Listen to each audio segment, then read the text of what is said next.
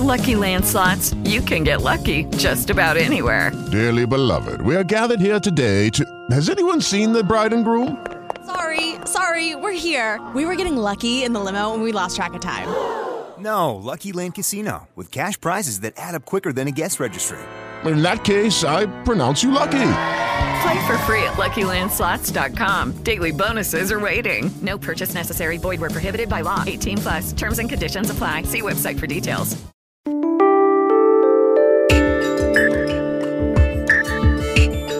Poczet pisarzy polskich. Wiem, że wielu z Państwa na nią czeka. Jest gdzieś w drodze, zamówiona, nadana już w kopercie. Za chwilę wyjmiecie ją ze skrzynki i z paczki. Książka Czuły narrator Olgi Tokarczuk, pierwsza po Noblu.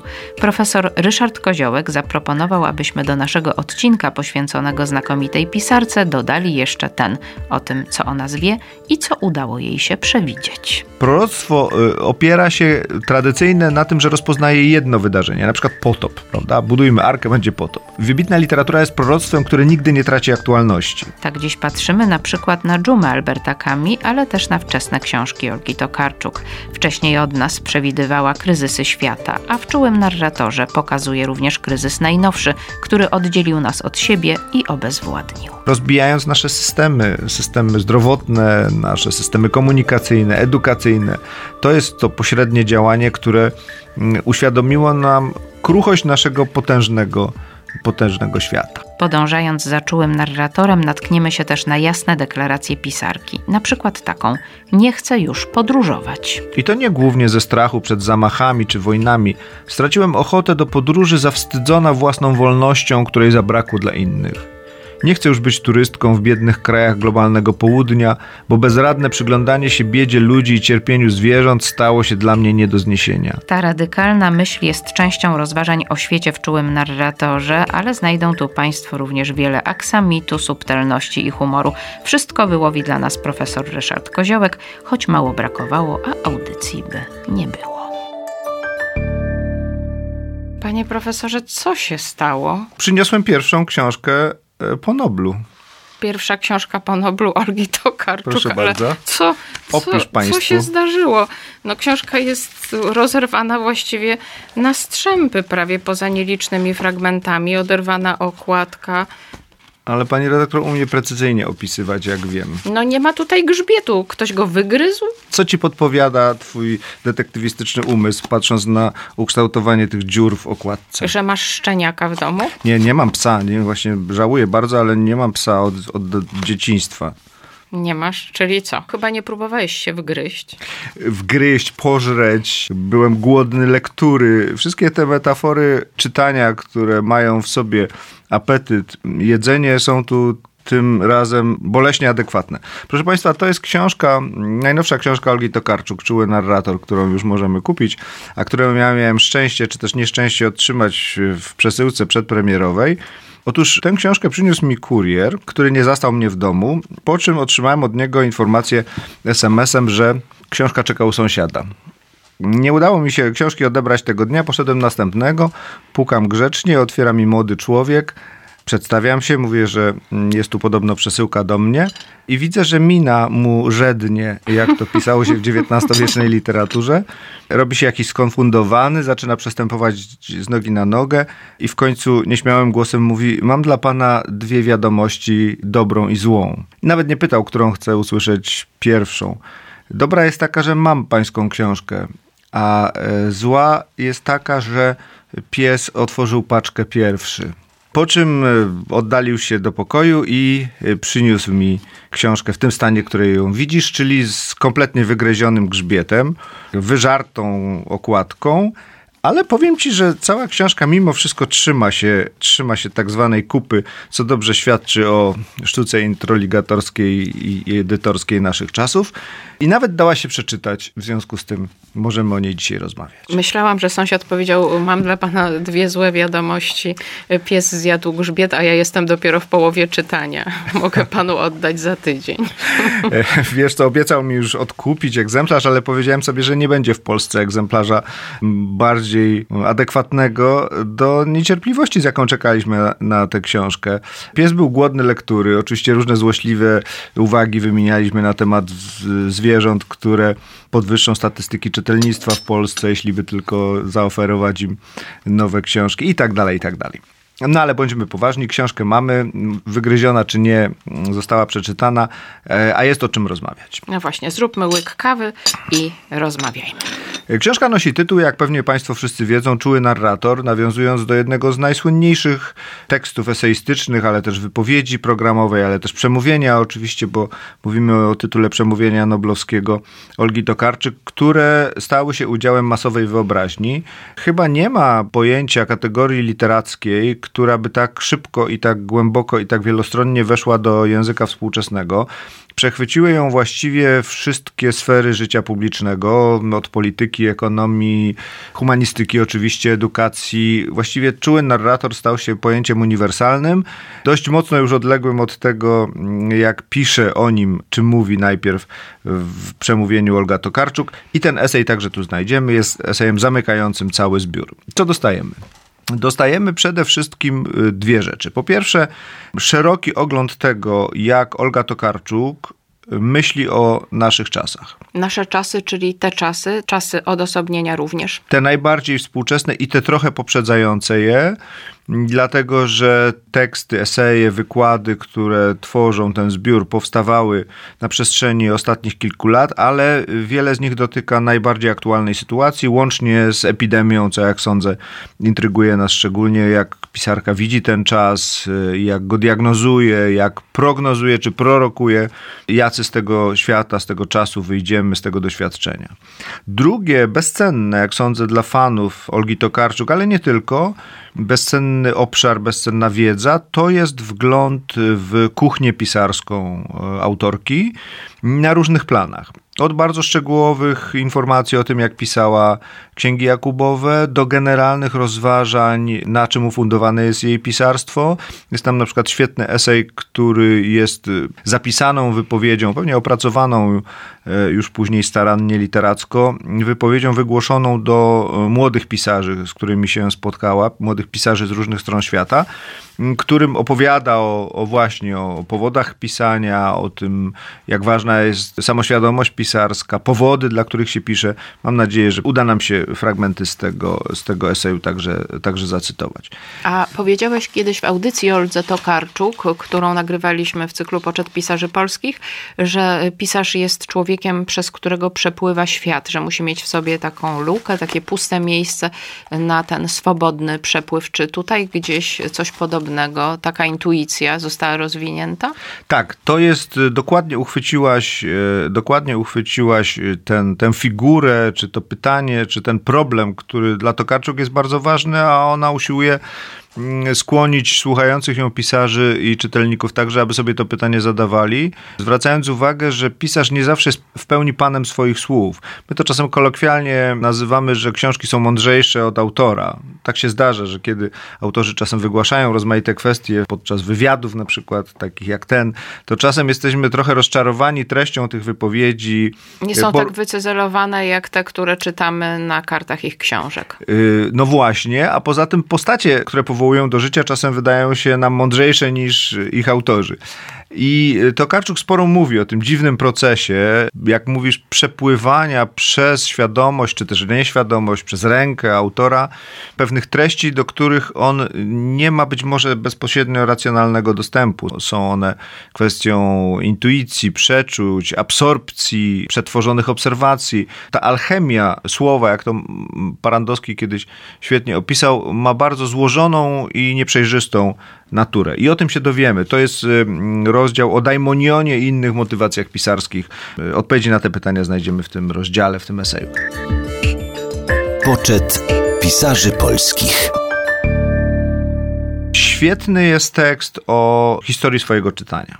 Olga Tokarczuk jest erudytką, czyta bardzo wiele, wychowywała się w bibliotece, jej ojciec był bibliotekarzem, a więc nasiąkała atmosferą książek od dzieciństwa i jest typem pisarza, który z całą pewnością powiedziałby, że jeśli się nie naczyta, to nie napisze. No tak, trzeba przeczytać 100, żeby napisać jedną albo tysiąc. Albo jedno zdanie czasem dobre, mhm. prawda? Mieć w sobie to, to, to potężne zaplecze. I co mnie z kolei cieszy jako, jako czytelnika kilku książek w kółko, ona także powtarza, że pewne książki trzeba czytać wiele razy, nie bać się straty czasu, nie bać się tego dramatycznego wyboru między książką nową a książką dawną, bo te nowe lektury y, przynoszą czasem absolutnie zaskakujące doświadczenia. Tak mówi o, o lekturach Lema na przykład, które właściwie nie musi czytać, bo znaje na pamięć, jak twierdzi. Ale y, Czarodziejska Góra Tomasza Mana była taką książką, która przeczytana kilkakrotnie odsłaniała jej kolejne możliwości. Y, ja bym wrócił jednak do tego, co jak sądzę, czytelników tej książki, którzy niekoniecznie muszą być wielkimi zwolennikami Olgi Tokarczuk, może zainteresować szczególnie, ponieważ Olga Tokarczuk stała się już czymś dużo więcej niż pisarką. Stała się głosem w przestrzeni globalnej, stała się, jeśli nie autorytetem, to na pewno kimś, kogo uwag o świecie słucha się wyjątkowo uważnie i starannie. Wysyłamy w jej stronę różne znaki zapytania. Tak, oczekujemy od niej, czy od tego, co przez nią mówi, próby odpowiedzi, diagnoz, przewidywań i nawet jeśli się z nimi nie zgadzamy, to sposób, w jaki je formułuje, staje się y, udziałem naszej wyobraźni, partyturą, na której my później wygrywamy swoje własne, swoje własne melodie. Lubisz ten noblowski proces? Kiedyś nie, ale kiedyś to w ogóle byłem podejrzliwy i niecierpliwy i wydawało mi się, że wszystko, co jest związane z instytucjonalizacją talentu jest zgrozą i należy tego unikać, y, bo każdy, kto kto stanie się celebrytą mm, za sprawą wybitnej nagrody, traci coś istotnego. Kilkunastolatek mówi, że się sprzedaje, że się skończył, że po Noblu to już nic dobrego nie napisał i tak dalej, i tak dalej. No, Szymborska się chowała, chowała się gdzie mogła. Szymborska mm, poza geniuszem poetyckim była niezwykle mądrą kobietą i ona mm, przeczuwała, że może stracić tę kameralność i tę zdolność właśnie mówienia z głębi, z intymności, z małych przestrzeni doświadczenia i, i namysłu i skupienia, którą y, zawierucha wokół Noblowska jej może odebrać. Mówiła o tym katastrofa noblowska. Mówiła o tym katastrofa. Myśmy w tym widzieli przede wszystkim ironiczny uśmiech, ale, ale myślę, że mówiła bardzo poważnie. Olga Tokarczuk się już do tego przygotowywała, dlatego że przecież Booker choćby był już takim wprowadzeniem jej na salony literackiego świata, więc ona miała czas się trochę otrzaskać z tym oczekiwaniem, żeby pisarz mówił nie tylko o tym, o czym pisze, ale mówił o świecie, o nas, o przyszłości. Świat jest teraz zupełnie inny i bardzo przygotowany również do takiej transmisji myśli, bo są media społecznościowe, są wszystkie teksty w internecie właściwie, więc nic tylko się wypowiadać, jeśli się rzeczywiście tak drobiazgowo widzi świat. Wiesz co, w Olze Tokarczuk i przy, przyznam się tu do swojej ograniczoności, Fascynujące było to, że ona o sprawach, które dzisiaj dla nas są tak niezwykle istotne, myślę tutaj o problemach z klimatem, o powszechnej świadomości mm, kryzysu ekologicznego czy katastrofy ekologicznej, o problemach z tożsamością, także z tożsamością e, e, płci, tożsamością seksualną, które stają się na naszych oczach niezwykle ważkimi problemami, już nie tylko politycznymi, ale humanistycznymi. Ona nam o tym pisała już w latach 90. O ograniczoności myślenia myślenia naukowego, wiesz, takim tępym pozytywizmie, który interesuje się tylko rozwiązaniem pewnego wąskiego problemu, nie zadając sobie pytania, jakie to będzie miało konsekwencje, wiesz, kto z tego skorzysta, czy to rzeczywiście nie wyprodukuje iluś problemów w konsekwencji tego rzekomo spektakularnego odkrycia, na przykład technologicznego, czy jakiegoś wynalazku.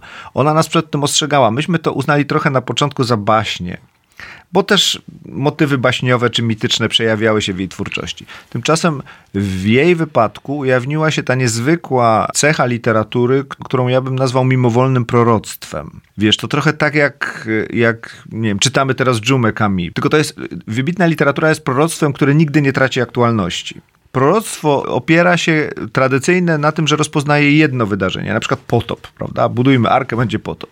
Natomiast proroctwo literatury, ono, jego aktualność się odnawia. I tak jest z Kawką, tak jest z Szekspirem, tak jest, tak jest z, z Kamisem. To jest wariant geniuszu literackiego. Tak. Ja nie wiem, czy za krótko żyjemy, poza tym jesteśmy współczesnymi Olgi Tokarczuk, żeby e, określić, że z, w jej przypadku też mamy z czymś do z takim do czynienia. Ale jeśli weźmiemy jej prozę pisaną w latach 90. i przyłożymy ją do, do rzeczywistości 20-30 lat późniejszej, to okaże się, że, że tak, że to pierwsze proroctwo już się spełniło. E, jest tu motyw w pierwszym eseju, który powinien ci się spodobać, ponieważ jako figurę człowieka, jako obraz człowieka, który jest jej bliski, którego ona chciałaby widzieć jako tego człowieka przyszłości, jest postać, czy postacie, które wyłaniają się z obrazów Giuseppe Archimbolda. E, zamiast malować porządne twarze, rysował banany, ananasy, y, jabłka, gruszki, które tworzyły twarze lub inne części ciała. Och, jak ty to lekko wypowiadasz, podczas gdy to jest warsztat kompletnie nieosiągalny dla dzisiejszych, nawet nie wiadomo jak sprawnych malarzy. Coś niesamowitego. Państwo przecież znają te portrety warzywne. Nie wiem, jak to w ogóle opisać. Wczoraj się nawet przyglądałam z bliska y, tym różnym selerom, które odtworzył z precyzją. No więc ja ci przeczytam przeczytam ten fragment, bo myślę, że trzeba w takim razie oddać głos pisarce, która lepiej to zrobi niż nasze niezdarne próby um, uchwycenia tego geniuszu wizjonerskiego Archimbolda. Otóż widzimy na nich coś w rodzaju twarzy organicznych, wielokrotnie złożonych, niepojętych, hybrydowych twarzy, będących syntezą biologicznych kontekstów, zapożyczeń i odniesień. Złożenie, wielość, różnorodność, wzajemne oddziaływanie, metasymbioza to nowe perspektywy, z których oglądamy świat. Rozpada się na naszych oczach pewien ważny aspekt starego systemu, który wydawał się dotąd fundamentalny, podział na dwie płcie. Coraz częściej widać, że ludzka płciowość to coś w rodzaju kontinuum o zmiennym natężeniu cech, nie zaś biegunowe przeciwstawienie ich sobie. Każdy może sobie znaleźć swoje niepowtarzalne właściwe miejsce. Jaka ulga. Pochwała różnorodności, pochwała niespójności, tego, że mm, kolekwialnie mówiąc, jesteśmy popaprani i to jest naturalne i to jest dobre. E, wszelkie ostre dyskursy tożsamościowe, które mówią bądź prawdziwym mężczyzną, bądź prawdziwą kobietą, prawdziwym człowiekiem, prawdziwym chrześcijaninem i tak dalej, są okrutnie e, redukcyjne, ścinają to, co nadaje naszym osobowościom mm, bogactwo i, i, i, i atrakcyjność i czyni nas ciekawymi dla innych. Ale też trzeba pociągnąć tę myśl dalej i ona to robi, że to bogactwo nie jest groźne, że kłamstwem jest mówienie o tym, że to bogactwo zawsze prowadzi do na przykład zguby, zagłady, nie wiadomo czego, prawda? Że to bogactwo jest arcyludzkie. E, tak, to jest bardzo ważne.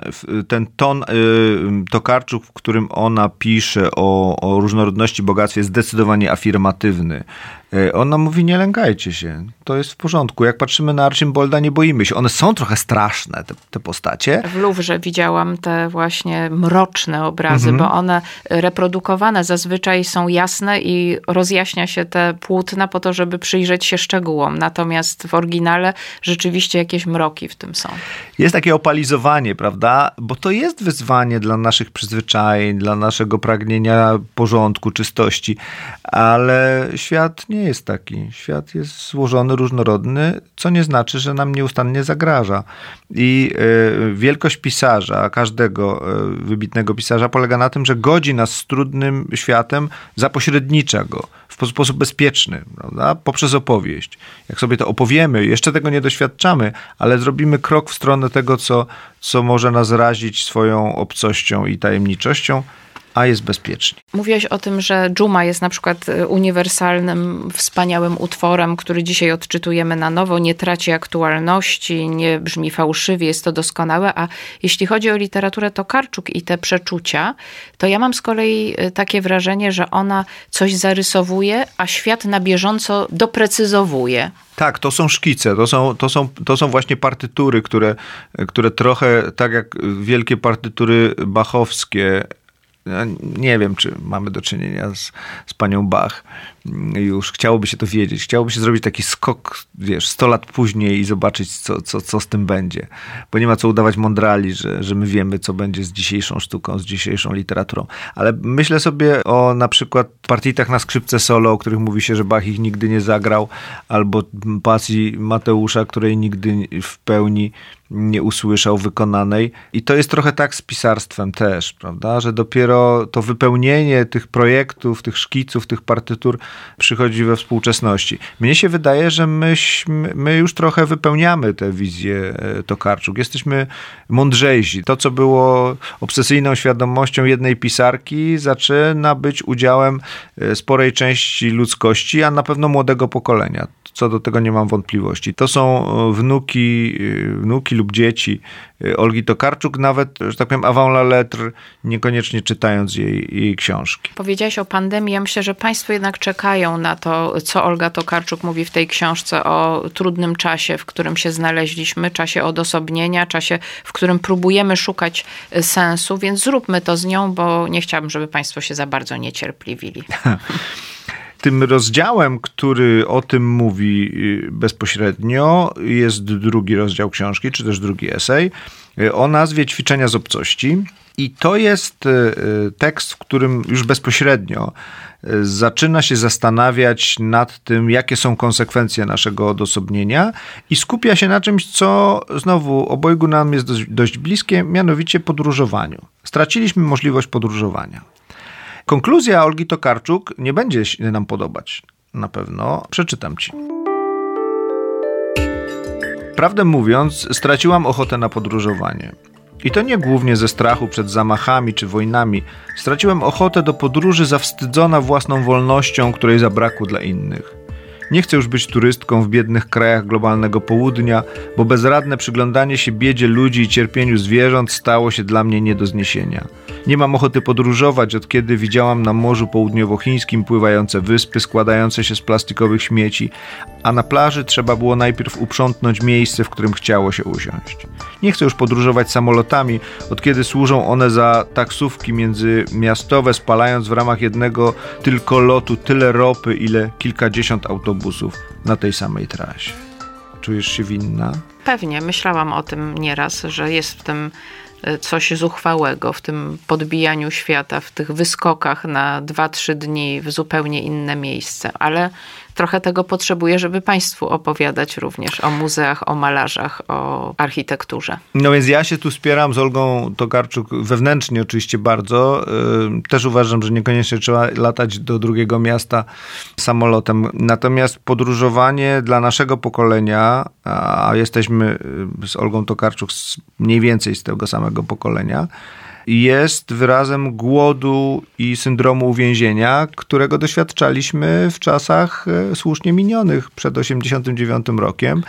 I nawet jeśli racje, racje ekologiczne, racje gospodarcze, racje humanistyczne są niekwestionowalne, to myślę, że my musimy, mówię tutaj o Polsce przede wszystkim, ale też o wszystkich, którzy należeli do tego bloku wschodniego, my musimy trochę tę, tę chorobę wczesnego kapitalizmu przechorować. Że źle by było, gdybyśmy się od razu rzucili w stan świadomości właściwy e, dojrzałym demokracjom Zachodu, które podróżowały, używały, zjadały, konsumowały, kupowały przez y, no, parę wieków, a na pewno przez, przez ostatnie kilkadziesiąt lat, jeśli patrzeć na porządek powojenny. Mówisz tak, jakby się dało rzucić bez tego całego doświadczenia w ten stan. Wiesz co, możemy się do tego przymusić. Możemy się do tego przymusić Będziemy prawem. wtedy udawać. Będziemy wtedy udawać. Więc y, trzeba znaleźć mądrą równowagę między chorym konsumpcjonizmem a mm, taką polityczno-poprawną ascezą która będzie wymuszona, będzie efektem przyjęcia pewnych norm, e, które bardzo trudno spełnić. Wiem, że mówię rzeczy heretyckie i, mm, i, i, absolutnie niepoprawne, ale myślę, że taki gwałt na doświadczeniu historycznym jednostki czy społeczeństwa nigdy się dobrze, nigdy się dobrze nie kończy.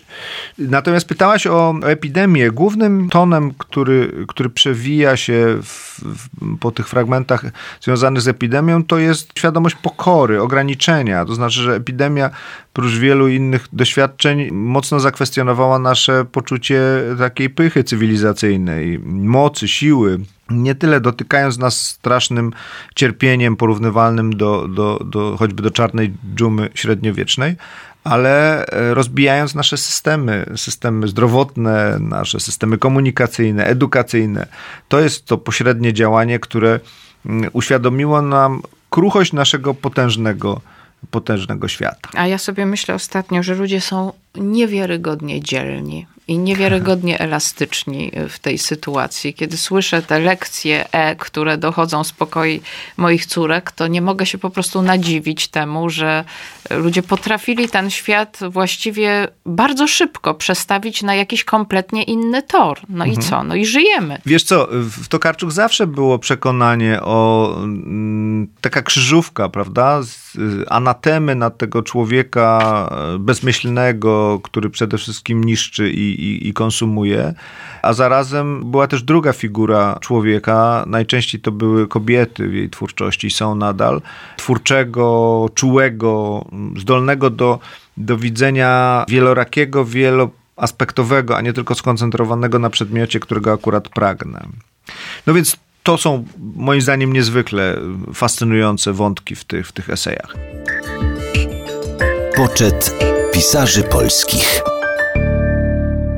Radio Katowice w poniedziałkowy wieczór z profesorem Ryszardem Koziołkiem rozmawiamy o pierwszej ponoblu książce Olgi Tokarczuk, Czuły narrator. Olga Tokarczuk w tej książce jest hojna, jeśli chodzi o tematy, zagadnienia, problemy, ale jest też wdzięczna.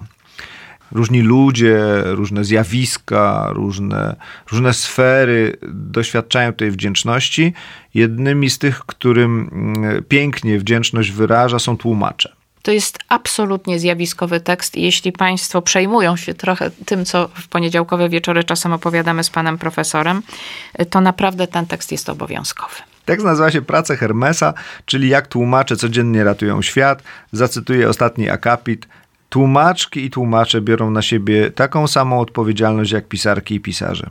I jedni i drudzy stoją na straży jednego z najdonioślejszych fenomenów cywilizacji człowieka możliwości przekazu najintymniejszego, pojedynczego doświadczenia jednostki innym ludziom i uwspólnienia tego doświadczenia w zdumiewającym akcie tworzenia kultury, a patronuje im Hermes w swoim wcieleniu Boga komunikacji, łączenia i nawiązywania relacji. Piękne fragmenty, zwłaszcza tam, gdzie pisze o trudzie tłumaczy przekazania indywidualnego języka autora. Tego, który jest tak inny od języka, który się ujednolica za sprawą mediów, za sprawą polityki, za sprawą propagandy. Mm, tłumacze pracują, żeby przenieść fenomen osoby, osobniczego języka, odrębnej wypowiedzi, artykulacji, tonu, melodii w język, w którym twórczość nie została napisana. Ten proces to jest dopiero intymność. Być może właśnie w tym procesie sam pisarz y, poznaje swoją książkę dokładnie. Ale też trzeba przyznać, że od samych początków Olga Tokarczuk y, była blisko swoich tłumaczy. Jak opowiada w tym tym eseju często pracowała z nimi nad konkretnymi problemami translacyjnymi, ale potem też widzieliśmy wielokrotnie, jak fotografowała się, czy udzielała wywiadów razem ze swoimi, ze swoimi tłumaczkami. To jest wielki, wspaniały gest y, pisarza. E, który pokazuje, że tłumacze wbrew e, Google Translator i innym e, narzędziom nie tylko nie tracą na znaczeniu, ale, ale zyskują. Świat jest coraz bardziej rozgadany i nigdy nie będzie mówił jednym czy dwoma językami. Skromność, pokora, a jednocześnie przepych wiedzy, świadomości. Co tam jeszcze pozaznaczane Słuchaj, w książce, dwie rzeczy która się jeszcze. rozpadła? W rozpadającej się pożartej przez zwierzę i człowieka książce y, znajdują się jeszcze co najmniej dwie rzeczy, o których chciałem powiedzieć. Pierwsza, a nawet trzy. Pierwsza mówi, jest zabawna, dlatego że opowiada o przygodach Olgi Tokarczuk, która próbowała uczyć młodych pisarzy, jak mogą pisać lepiej. I, i, i wiesz co, i bardzo są zabawne odpowiedzi, których pisarze udzielają noblistce na pytanie, po co piszą. No więc po co się pisze, będąc bardzo młodym pisarzem? Po pierwsze, żeby wyrazić siebie, to niespecjalnie się ta odpowiedź autorce podoba. Niektórzy, gdy się już nieco ośmielili, odpowiadali, że chcą odnieść sukces, zarobić pieniądze i zdobyć sławę. Tu, mm, mimo że sama jest przykładem dokładnie tej drogi, raczej ostrzega ich przed taką motywacją, bo to jest ciężka profesja i pieniądze przychodzą późno albo wcale. Są łatwiejsze sposoby. Są zdecydowanie łatwiejsze sposoby. Wzruszyła mnie pewna studentka, która wyznała ze smutną szczerością, bo nic innego nie umiem. Inni chcą e, pisać kryminały. O, jest odpowiedź, która też ci się spodoba. Mam zamiar być jak Jerzy Pilch Dlaczego jak Jerzy Pilch? Zapytałam zaciekawiona. Bo mi ten człowiek imponuje i nikogo innego poza nim nie czytam. No ja poczytam trochę jeszcze poza Jerzym Pilchem, ale rzeczywiście, kiedy ostatnio porządkowałam biblioteczkę, stwierdziłam, że Jerzy Pilch ją zasiedlił no i króluje w niej.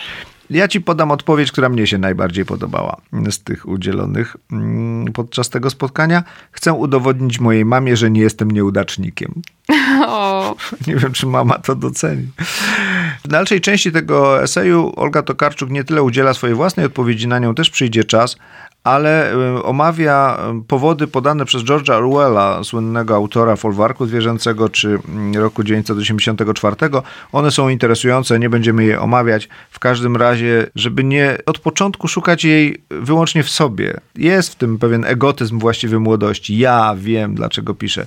Czasem po prostu nie wiemy. Tak jak powiedziała znakomicie Szymborska, właśnie udzielając tej odpowiedzi. Nie wiem, nie wiem. To jest bardzo zagadkowy proces, mówiliśmy o tym na początku. Dowiemy się z tej książki, jaką była pierwsza powieść, jaką zaczęła pisać Olga Tokarczuk. Miała wtedy lat 12. Była to powieść nieskończona pod tytułem Czarownice. Wtedy postanowiła, że będzie pisać książki. Natomiast y, powiem ci, że to, co mnie y, ujęło tutaj bodaj najbardziej, Mm, to jest e, zjawisko, które mnie samego trapi, jeśli chodzi o współczesność i współczesną kulturę, i zwłaszcza język publiczny, ale nie umiałem tego nazwać sobie w ten sposób. To jest esej, który nosi tytuł kraina metaksy, ale nie, nie. Tu trzeba ostrzec wszystkich, którzy rzucą się, którzy są fanami trunku greckiego o tej nazwie i pomyśleliby, że oto gdzieś płynie kraina metaksą i czymś jeszcze płynąca. Miodem pomarańczowym. Miodem pomarańczowym płynąca. Otóż nie, nie. Od razu informuję lojalnie, bo taka jest rola, żeby naszym słuchaczom wiedzy prawdziwej lub prawdopodobnej dostarczyć, że nie chodzi bynajmniej o ten alkohol, chodzi o słowo metaks e, czy metaksy, y, który pochodzi z greckiego i oznacza bycie pomiędzy. Kraina Metaksy byłaby takim miejscem, gdzie nieustannie szukamy przejścia do innego świata, gdzie jesteśmy ciągle w drodze, w niegotowości, zaglądamy za róg, za brzeg, za płot, do innego ogrodu, gdzie nie poprzestajemy na tym, co już mamy, tylko jesteśmy ciekawi czegoś innego i chcemy nieustannie, jak dzisiaj, nie lubię tego słowa, ale ono nie jest najgorsze, zlinkować się z innymi przestrzeniami, komunikatami, ludźmi itd. To jest kraina metaksy. Kraina metaksy jest też e, krainą, w której nie wystarczają nam proste słowa, a przede wszystkim jedno znaczenie tych słów, gdzie eksperymentujemy z językiem, żeby wyrazić z nich to, co nie należy do codziennego słownika. Olga Tokarczuk twierdzi, że jedną ze zmur naszych czasów jest zjawisko literalności. Li Czyli dosłowności. Tak jest, dosłowności. Ja to przeczytam. Pierwszym objawem tej choroby jest brak zdolności do rozumienia metafory, potem pauperyzacja poczucia humoru. Towarzyszą jej skłonność do wydawania ostrych, pochopnych sądów, nietolerancja niejednoznaczności, zanik wrażliwości na ironię i w końcu powrót dogmatyzmu i fundamentalizmu. Literalizm nie rozumie ani literatury, ani sztuki i jest gotowy ciągle pozywać twórców do sądu, a to obrazę uczuć, a to naruszenie godności czci. Literalista bowiem w swoim upośledzeniu popada w zamęt emocjonalny, nie umiejąc umieścić tego, czego doświadcza, w szerszym i głębszym kontekście. Literalizm zamyka horyzonty, zamyka ludzkie umysły. Uważam ten esej za najważniejszy. Za najważniejszy. Oczywiście końcowy, mm, czyli czuły narrator, jest już tekstem kanonicznym w polskiej kulturze. Mowa noblowska. Mowa noblowska. Znamy, można sobie ją przeczytać teraz w kontekście tych pozostałych, bo one też budują solidny fundament i konteksty tego myślenia o literaturze, o świecie, mm, o człowieku, które zaprezentowała Olga Tokarczuk w mowie noblowskiej. Natomiast mój prywatny wybór, y, jeśli chodzi o tekst, który mnie osobiście dał najwięcej i najlepiej zainspirował, najbardziej zainspirował, to, to Kraina Metaksy. Bardzo dziękuję. Profesor Ryszard Koziołek, już po lekturze czułego narratora Olgi y, Tokarczuk. Rozumiem, że ten pożarty przez szczeniaka sąsiada egzemplarz zachowujesz. Czytajmy Olgę Tokarczuk. Nie pozwólmy, aby zrobiły to przed nami nasze ukochane zwierzęta.